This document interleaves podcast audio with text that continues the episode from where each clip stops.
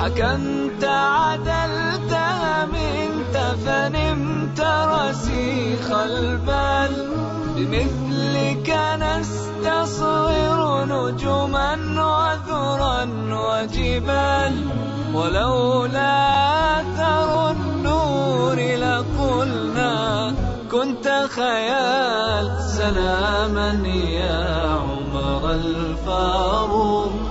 سلاما يا عمر الفاروق. بسم الله الرحمن الرحيم أيها الإخوة والأخوات السلام عليكم ورحمة الله وبركاته. أهلا وسهلا بكم من جديد في حلقة من برنامجكم قصة الفاروق. إنه الفاروق عمر ابن الخطاب. ظل في مكة سبع سنين والدعوة تحارب والنبي وأصحابه يؤذون إيذاء شديدا. وعمر معهم. يبلغ دين الله عز وجل ويصبر ويتحمل. حتى أذن الله عز وجل لنبيه صلى الله عليه وآله وسلم بالهجرة.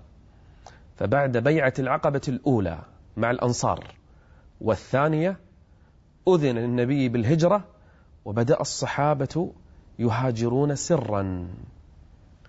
إلا واحد. كما قال الإمام علي رضي الله عنه. كل الناس هاجروا سرا إلا من؟ إلا عمر. نحن نقول دوما عمر له شأن خاص. الناس في وادي وعمر في وادي آخر. من الناس من هاجر ليلا منهم من كأنه ذاهب لسفر منهم من تخفى منهم من أسرع إلا عمر. فما قصة هجرة عمر؟ جاء لي المشركين وهم جلوس في ناديهم. كبار المشركين عتبة شيبة أبو جهل أبو لهب كبارهم جاء جلوس فقال لهم شاهت الوجوه. أول ما دخل شاهت الوجوه. لا يرغم الله إلا هذه المعاطس الأنوف. ثم قال من أراد أن تثكله أمه ويتيتم أولاده وترمل زوجته فليلقني عند ذلك الوادي فإني مهاجر. اللي فيه خير فيكم اللي يبي أمة تبكي عليه بعد ما يموت وزوجته تترمل وعياله يتيتمون ترى أنا مهاجر في المكان الفلاني. اللي بيجي خلي يجي هناك. هل رأيت تحديا كهذا التحدي؟ رأيت عزة وقوة مثل تلك القوة والعزة؟ لهذا قال الصحابة ما زلنا أعزة منذ أن أسلم عمر. عمر في تاريخ الأمة له شأن خاص. عمر يعني العزة والكرامة بعد نبيها محمد صلى الله عليه وسلم وأبي بكر الصديق. إنه عمر كيف كانت هجرته؟ وماذا حصل أثناء تلك الهجرة وبعد تلك الهجرة. سلاما يا عمر الفاروق. سلاما يا عمر الفاروق. هجرة عمر بن الخطاب رضي الله عنه سبقت هجرة محمد صلى الله عليه وسلم. أكثر الصحابة هاجروا قبله. كان له صاحبان عمر كان له صاحبان. هشام بن العاص وعياش بن أبي ربيعة. واعد الاثنين أن يهاجرا معه. قال نهاجر معا. نحن ثلاثة كانوا أصحاب. فأراد عمر أن يهاجر الثلاثة معا. قال موعدنا في المكان الفلاني لنهاجر معا. أما عياش بن أبي ربيعة في بداية الأمر فتن فافتتن وجلس في بداية الأمر ما هاجر مع الناس أما هشام بن العاص فكان معه ولحق الاثنين بعض ضعفاء المسلمين بلغوا عشرين تقريبا وهاجروا إلى المدينة لما وصل عمر إلى المدينة تبعهم من؟ تبعهم عمرو بن هشام والحارث بن هشام أبو جهل وأخوه الحارث بن هشام تبع عمر في هجرته ليش؟ لأن هشام بن العاص صديق عمر قريب من أبي جهل ابن عمه وإخوان من الأم. شوف تخيلوا إخوان من الأم. فأبو جهل مع أخوه الحارث بن هشام أسرع خلف عمر يريدان من أخوهما من الأم. فلما وصل المدينة جاء إليه. أبو جهل الحين جاي والحارث يطلبان من هشام بن العاص صاحب عمر أن يرجع معهما. وعمر يقول له إياك أن ترجع.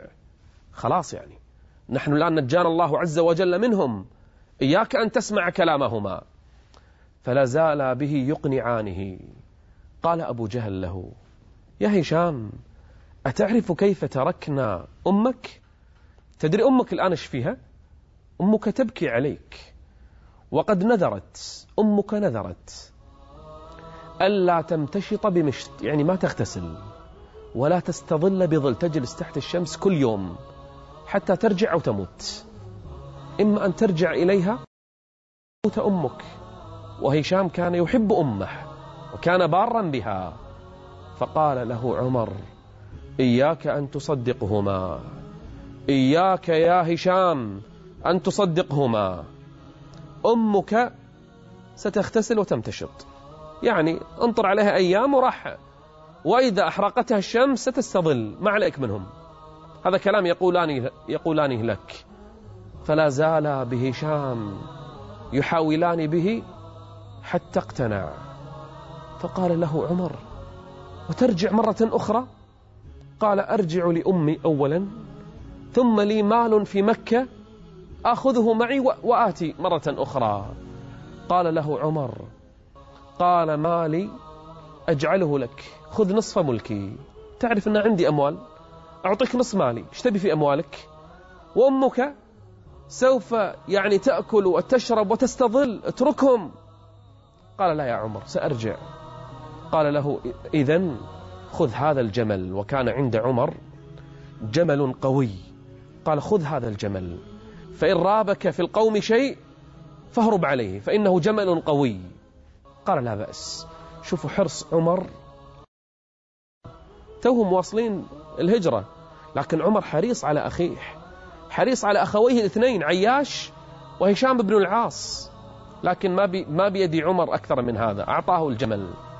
في الطريق أبو جهل والحارث إخوان هشام بن العاص من الأم يتحدثون معه يتحدثان معه في الطريق.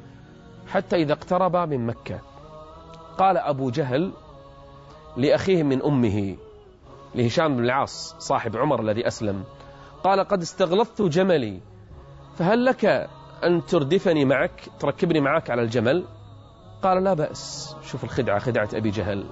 فأناخ ناقته أناخ الجمل ونزل آه، هشام بن العاص أراد أن يركب أبا جهل فلما أناخ الجمل انطرح عليه يضربانه فأوثقاه ربطاه وأرجعاه إلى مكة وفتناه فافتتن فبلغ الخبر من؟ عمر بن الخطاب فحزن حزن على صاحبيه الاثنين.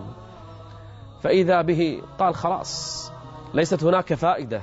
أناس افتتنوا في بداية الأمر لا خير فيهما. لكن في النهاية عمر عند أصحابه.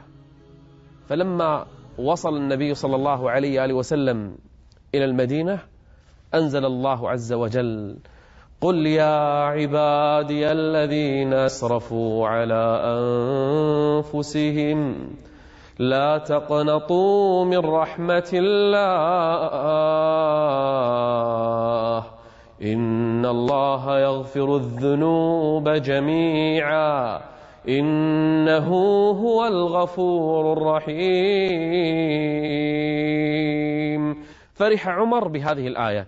قال ما أظن أنها نزلت إلا في صاحبي ومن معهما وفينا نزلت. فكتبها عمر برسالة وأسرع برسول اذهب بها إلى هشام وعياش ابن أبي ربيعة. فأسرع الرسول بها بهذه الرسالة إلى صاحبي عمر في مكة فلما قرآها دمعت عيناهما وعلم أن عمر يقصدهما بتلك الرسالة وأن الله عز وجل ما أنزل هذه الآيات إلا فيهما وفي أمثالهما فلما سمع تلك الآية وقرأها فإذا بهشام بن العاص وعياش بن أبي ربيعة إلى من؟ إلى المدينة مرة أخرى ليلتحق برسول الله صلى الله عليه وسلم. هذا عمر عمر ما نسي أصحابه. عمر قدم كل شيء لهما. صاحبهما في الهجرة أعطاهما الناقة نصف ملكه أرسل لهما الآية حتى يلتحق برسول الله صلى الله عليه وسلم وتبدأ صفحة جديدة من صفحات عمر. إنها قصة الفاروق عمر. نلقاكم بإذن الله عز وجل في حلقة مقبلة. استودعكم الله والسلام عليكم ورحمة الله وبركاته.